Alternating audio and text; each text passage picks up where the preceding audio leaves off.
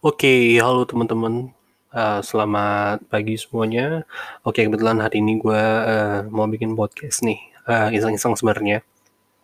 Jadi di pagi hari ini atau mungkin hari ini ya, karena mungkin teman-teman uh, nanti mungkin bisa mendengarkan podcast gue siang hari, pagi, siang, sore, malam gitu. Ya pokoknya hari ini gue ingin membahas podcast mengenai ya mungkin uh, apa ya, apa yang udah gue alamin uh, selama gue berhubungan dengan pasangan gue dan mungkin uh, eh, gue akan menjelaskan juga beberapa hal terpenting perbedaan hubungan sehat dan yang tidak sehat itu. Oke, okay. kita uh, langsung singgung sedikit aja ya. Mungkin teman-teman di sini udah yang udah ada yang memiliki pasangan maupun yang belum mempunyai pasangan gitu. Tapi uh, di satu sisi terkadang kita yang punya pasangan pun terasa uh, kita kayak nggak punya pasangan dan sebaliknya kita yang nggak punya pasangan seakan-akan kita pengen punya pasangan gitu. Nah di sini gue coba uh, membenahi kalimat-kalimat itu dan mungkin dari uh, sisi aspek yang uh, lebih detail lagi. Nah tapi pernah nggak sih kalian hmm, merasa nih udah lama banget menjalankan hubungan tapi uh, seakan-akan hubungan yang kalian jalan ini terasa nggak ada gunanya. Bukan terasa nggak ada gunanya tapi lebih ke buang-buang waktu kalian terhadap pasangan. Gitu. Uh, mungkin banyak mungkin ada segelintir orang mengalami kalau dia uh, mengalami sesuatu yang tadi gue bilang gitu dia ngejalin hubungan itu nggak tiga empat lima tahun ujung-ujungnya uh, dia menikah dengan orang lain. Dia menikah dengan orang lebih mapan. Dalam arti selama proses uh, pacaran kita nggak bisa ngasih yang terbaik buat dia atau nggak bisa memenuhi uh, apa ya mungkin kriteria si kriteria si cewek untuk menjadi pasangan hidupnya atau gimana. Karena kan uh, gue mohon maaf kalau salah tapi beberapa memang uh, di luar sana ya. Apalagi di Jakarta kamu di Jakarta cewek-cewek itu memang lebih melihat penampilan cowok dari materialnya. Ini gak munafik ya ini secara realistisnya gitu. Ada orang yang mungkin biasa-biasa aja uh, dia punya cowok uh, sorry punya cewek yang cantik punya pasangan yang cantik atau yang ganteng gitu. Tapi di sisi lain ada yang bisa diungguli. Mungkin seperti materi yang berlebih, mungkin dari penampilannya oke, dari cara berbicaranya. Nah, itu jadi benar-benar ada beberapa aspek yang sebenarnya kalau di Jakarta ini kalian uh, harus punya. Oke, mungkin gue bakal uh, spill dikit mungkin ya. Untuk kalian nih yang belum punya pasangan atau kalian yang apa ya, baru pengen mencari pasangan, yang terpenting adalah buat kalian ya misalkan uh, tampang kalian biasa-biasa aja kayak gue gitu. Kalian harus mempunyai skill yang kedua harus mempunyai cara komunikasi baik. Berkom berkomunikasi dengan orang dengan cara yang baik. Siapa pun di mana pun gitu. Mau kalian dengan anak di bawah uh, remaja gitu.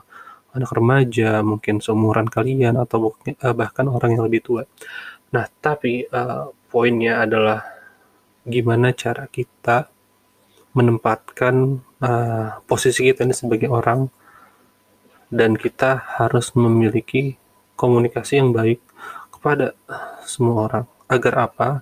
Agar kita uh, dapat memberi kesan positif terhadap orang-orang yang kita ajak ngobrol. Nah mungkin saat kita ngobrol nih mungkin antara teman kerja atau uh, klien oke okay, atau adik kelas kalian mungkin dengan cara kalian berbicara yang baik gue jamin deh nggak akan ada cewek yang nggak mau. Bukan nggak mau sih lebih kayak pasti akan ada cewek nyantol atau tertarik sama kalian. Itu dari cara berkomunikasi kalau kalian tahu uh, petinju Muhammad Ali, Muhammad Ali itu dia selain dia uh, jago tinju, di sisi lain komunikasi Muhammad Ali ini keren banget. Yang pertama, dia tuh sering memprovokasi lawannya agar lawannya ini merasa down. beberapa kali dia juga uh, sering membuat tulisan-tulisan yang di mana uh, agar lawannya ini bisa apa ya, memberi kesan uh, apa ya bukan memberi kesan baik lebih seperti dengan Muhammad Ali ini menulis sebuah tulisan si musuh ini bisa langsung kesel. Nah berarti sebenarnya tuh ada skill-skill selain skill tinju yang dimiliki Muhammad Ali. Nah salah satu komunikasi sama menulis gitu. Nah mungkin kita langsung saja masuk ke dalam inti pembicaraannya. Hubungan sehat versus hubungan yang tidak sehat itu seperti apa oke okay. uh, mungkin tadi eh, yang sebelum-sebelumnya itu lebih ke bridging kali ya buat masuk ke sini ya.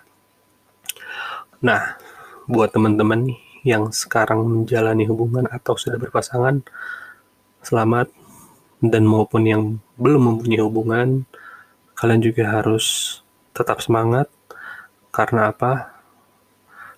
Karena uh, ada beberapa tipe orang atau jen atau karakter seseorang yang saat dia punya hubungan dia malah pengen putus. Tapi di satu sisi ada orang yang pengen pengen banget mencari pasangan nggak dapat dapat gitu. Nah jadi uh, berbanding terbalik gitu.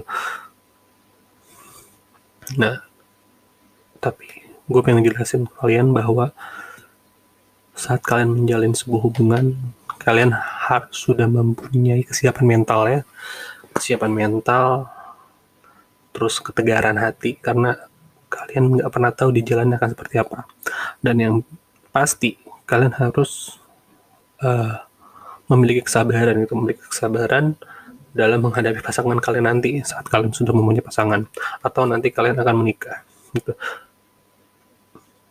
Nah dalam perjalanan nanti gue yakin kalian tuh nggak akan mulus-mulus aja kalau kalian ngira pacarnya itu kayak jalan tol lurus saja nggak ada masalah lu salah. Saat kita berpasangan jalannya itu zigzag mungkin akan berkerikil kali kaliku. Karena nggak selalu mulus. Kadang ada yang terjal kadang ada yang tinggi kadang dingin kadang panas gitu. Banyak yang membuat uh, hubungan percintaan itu menjadi goyah. Karena ya nggak kuat nggak kuat menghadapi lika-likunya itu. Kalau sebelumnya kita nggak punya persiapan sama sekali mungkin kita ya let's say satu dua tahun tiga tahun udah kandas gitu. Nah dalam hal itu mungkin aja ada sifat-sifat yang menjadi hubungan itu tidak sehat gitu sebenarnya ada berbagai alasan ya. Kenapa seseorang menjalin hubungan mereka? Iya. Ada beberapa segelintir orang yang saat dia menjalin hubungan, ya karena memang dia ingin pacaran karena saling mencintai, namun nggak sedikit juga ya ada orang yang memulai hubungan pacarannya hanya karena berlandaskan kesepian, pengen nyoba atau sebagai pelarian setelah putus dengan mantannya gitu. Nah, hal itu gue rasa apa ya? Banyak orang membutuhkan perhatian. Nah, karena itulah banyak orang ingin menjalin hubungan karena dia butuh gitu. Dan kita harus tahu ya, saat kita menjalin hubungan yang berlandaskan karena kesepian, itu nggak sehat. Karena dalam sisi lain, kita telah menyakiti perasaan pasangan kita. Mungkin sebaliknya gini, ada case kayak gini. Uh, temen gue, dia sekelas sama gue, dan ada juga yang gak sekelas, tapi ini yang sekelas dulu ya. Karena uh, relate banget dengan hal yang pengen gue tadi jelasin temen gue ini dia sudah pacaran sama uh, mantannya ini kurang lebih hampir ya 2 sampai tiga tahun mungkin ya. Dan dia kira putus. Nah, di satu sisi uh, temen gue ini down gitu karena dia sudah yakin kalau pasangannya ini emang udah yang terbaik buat dia. Karena ya kita bisa tahu hubungan yang udah berjalan 1 sampai 3 tahun itu bukan waktu yang sebentar. Tapi memang itu waktu yang lama untuk menjalin sebuah hubungan yang yang sehat terutama ya. Nah tapi setelah hubungannya itu kandas teman gue ini benar-benar ngerasa kesepian ngerasa benar-benar atau harus ngapain gitu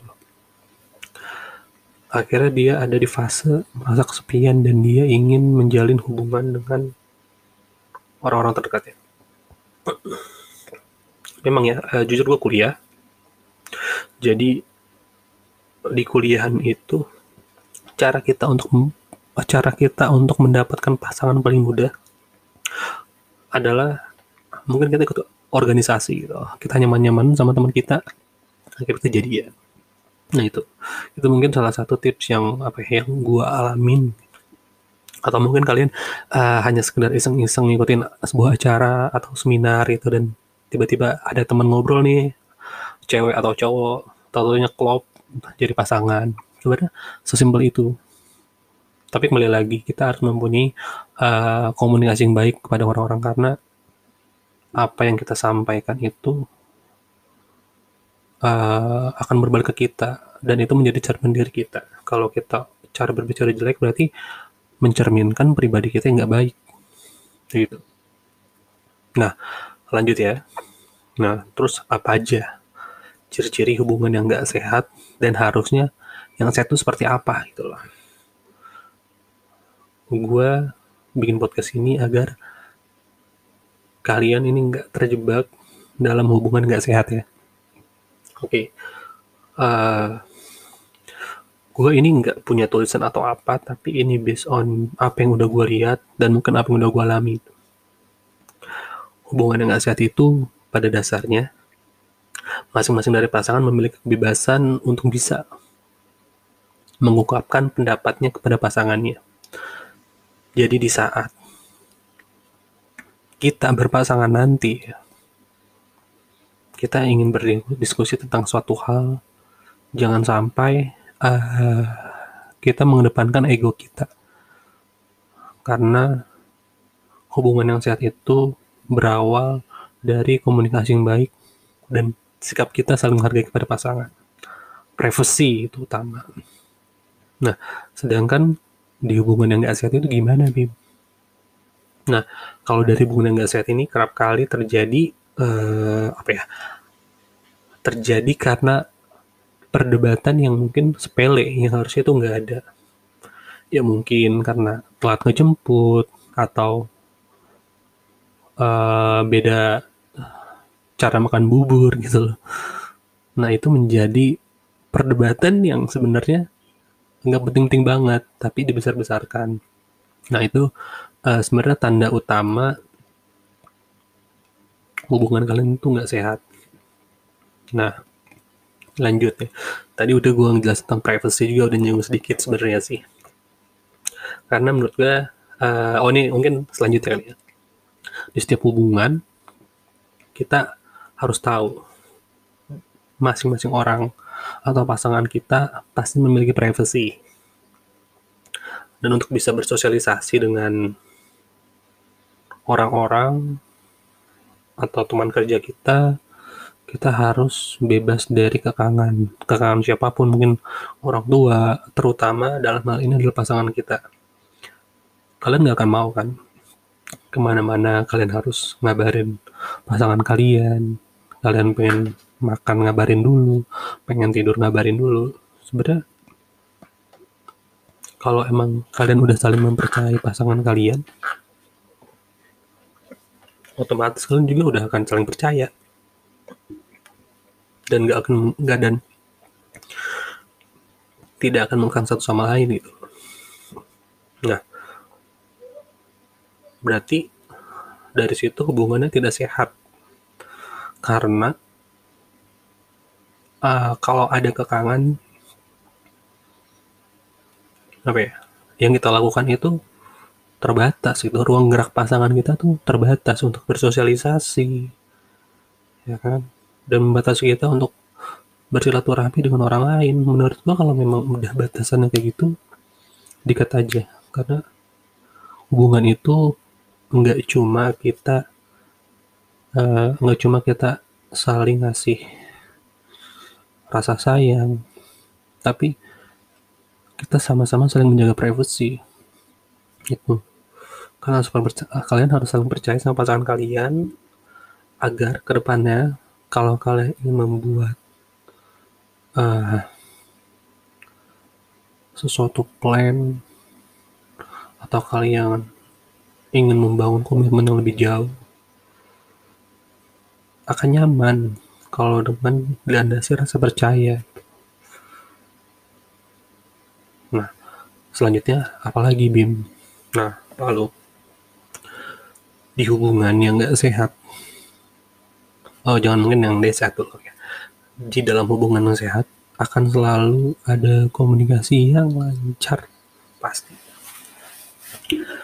Lu tahu kenapa ada orang yang pacaran dari SMA sampai dia kuliah atau dari SMP sampai SMA ya mungkin kita lihat ini orang biasa-biasa aja tapi kok langgeng banget gitu ya nah kalian harus tahu cara komunikasi dia gimana.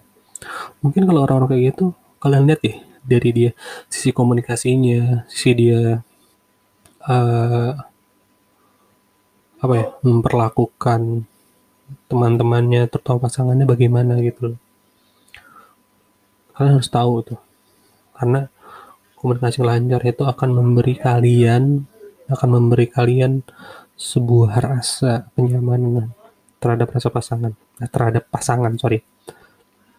Nah sedangkan di dalam hubungan dengan sehat itu gimana? Nah sering kali komunikasi tersendat atau bahkan sama sekali tidak lancar. Mungkin kalian pernah tahu kan ada beberapa pasangan dia udah mungkin pasangan 2-3 tahun di hari uh, di tahun pertama wih komunikasi lancar lancar. Ya pas di tahun kedua ini kendor nih biasanya yang mungkin kalau ada notif langsung ngebales. Nah di tahun kedua ini dia nggak ngebales. Bukan nggak ngebales lebih kayak slow respon gitu slow respon. Nah itu kan menjadi salah satu indikasi kalau sebenarnya pasangan kalian itu lagi nggak baik-baik aja gitu. Nah kalian harus harus tahu posisi itu ya. Jangan sampai kalau pasangan kalian ada di posisi kayak gitu dan kalian nggak tahu. Itu, itu itu parah banget sih.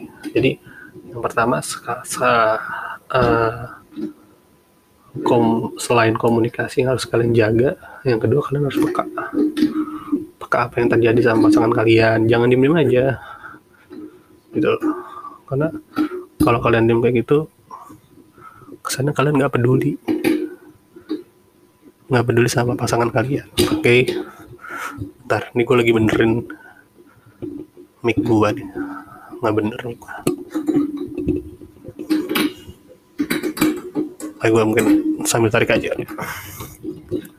Oke oke oke. Ini gue copot micnya lalu apa nih? Tadi kita udah ngejelasin untuk komunikasi ya dari komunikasi. Nah uh, mungkin gue bisa nyinggung dikit dari komunikasi ini untuk hubungan yang LDR. Biasanya saat kita berada di jarak yang jauh terhadap pasangan kita, paling tidak kita sehari sekali lah, seenggaknya yang mungkin uh, menyempatkan waktu untuk mengabari pasangan kita atau untuk sekedar nelpon gitu. Itu menjadi uh, apa ya hal penting hal utama yang harus dimiliki apa uh, seorang pasangan seorang pasangan pasangan yang menjalani hubungan LDR tanpa ada komunikasi yang baik hubungan mereka akan dipenuhi rasa konflik gitu. Nah karena di dalam hubungan tidak ya karena di dalam hubungan tidak sehat ya. Selain tidak lancar antara kabar atau jarang memberi kabar masing-masing pasangan keduanya pun cenderung nggak peduli. Karena uh, mereka tuh mempunyai rasa saling memiliki tapi tidak ada bedanya dengan hubungan tanpa status. Seperti itu. Oke. Okay. nah ini gue benerin dulu deh bentar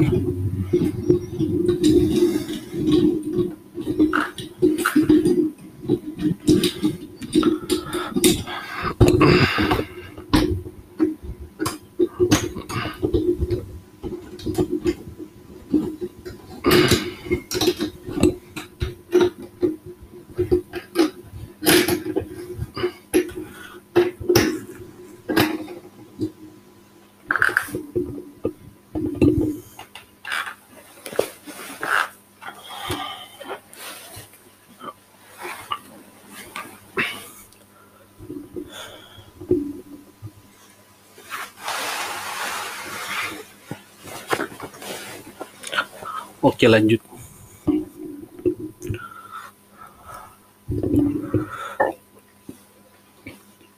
Oke gue lanjutin ya.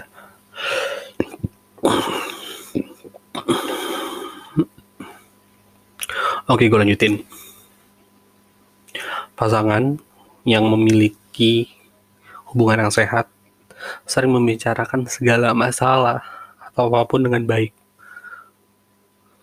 Mereka merasa dengan adanya hubungan yang baik ini akan menciptakan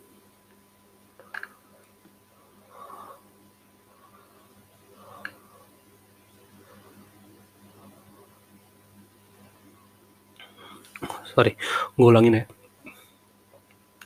Oke gue lanjut.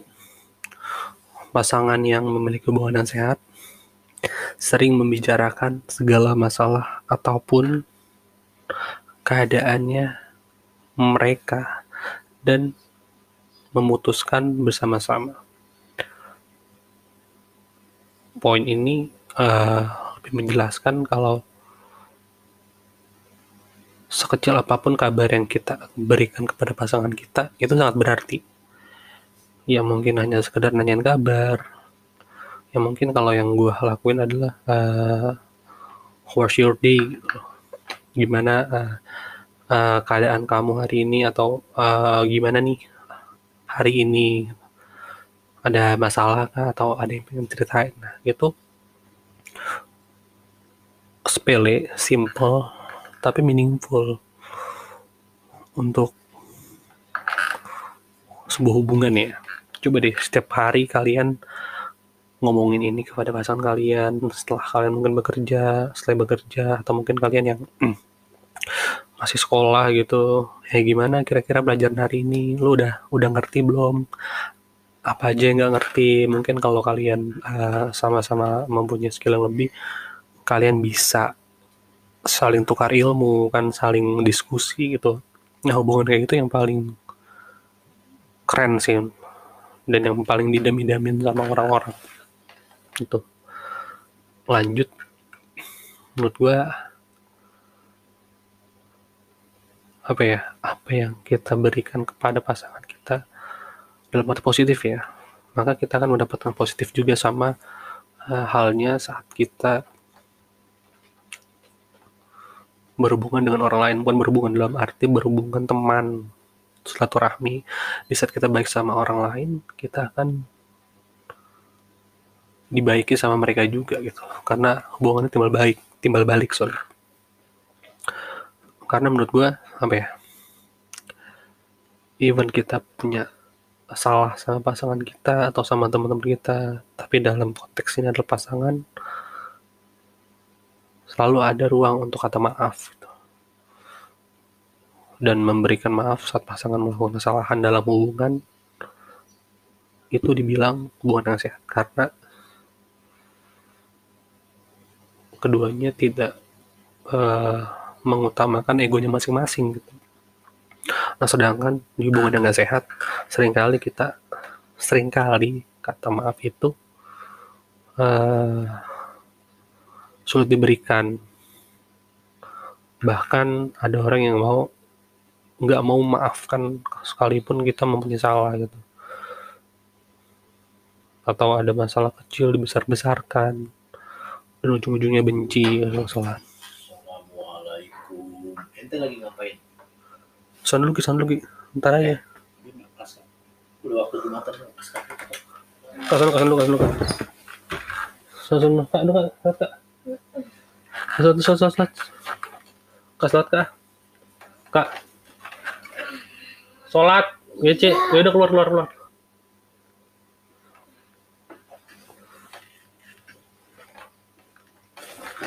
Betul.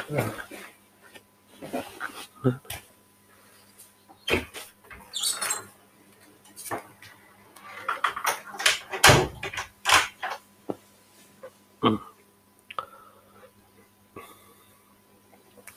lalu yang selanjutnya dalam hubungan yang sehat akan ada rasa saling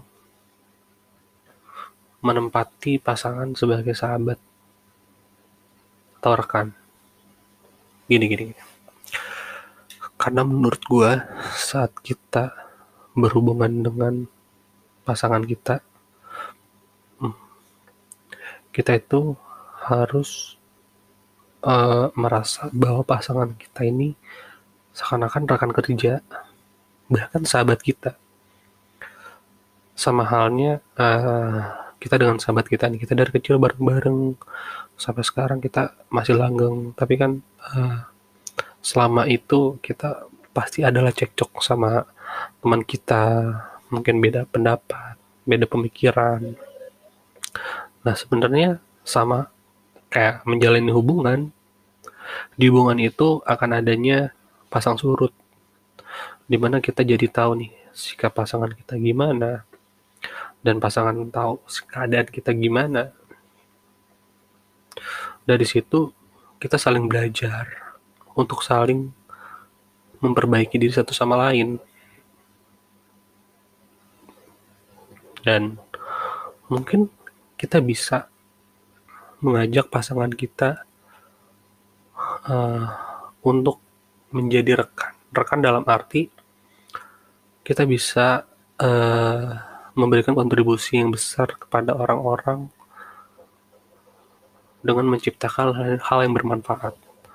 Mungkin kita membuat bisnis dengan pasangan kita atau kita bisa membuat apa ya yang mungkin sekarang ini konten kali ya konten yang di mana itu bisa melekatkan kita sebenarnya.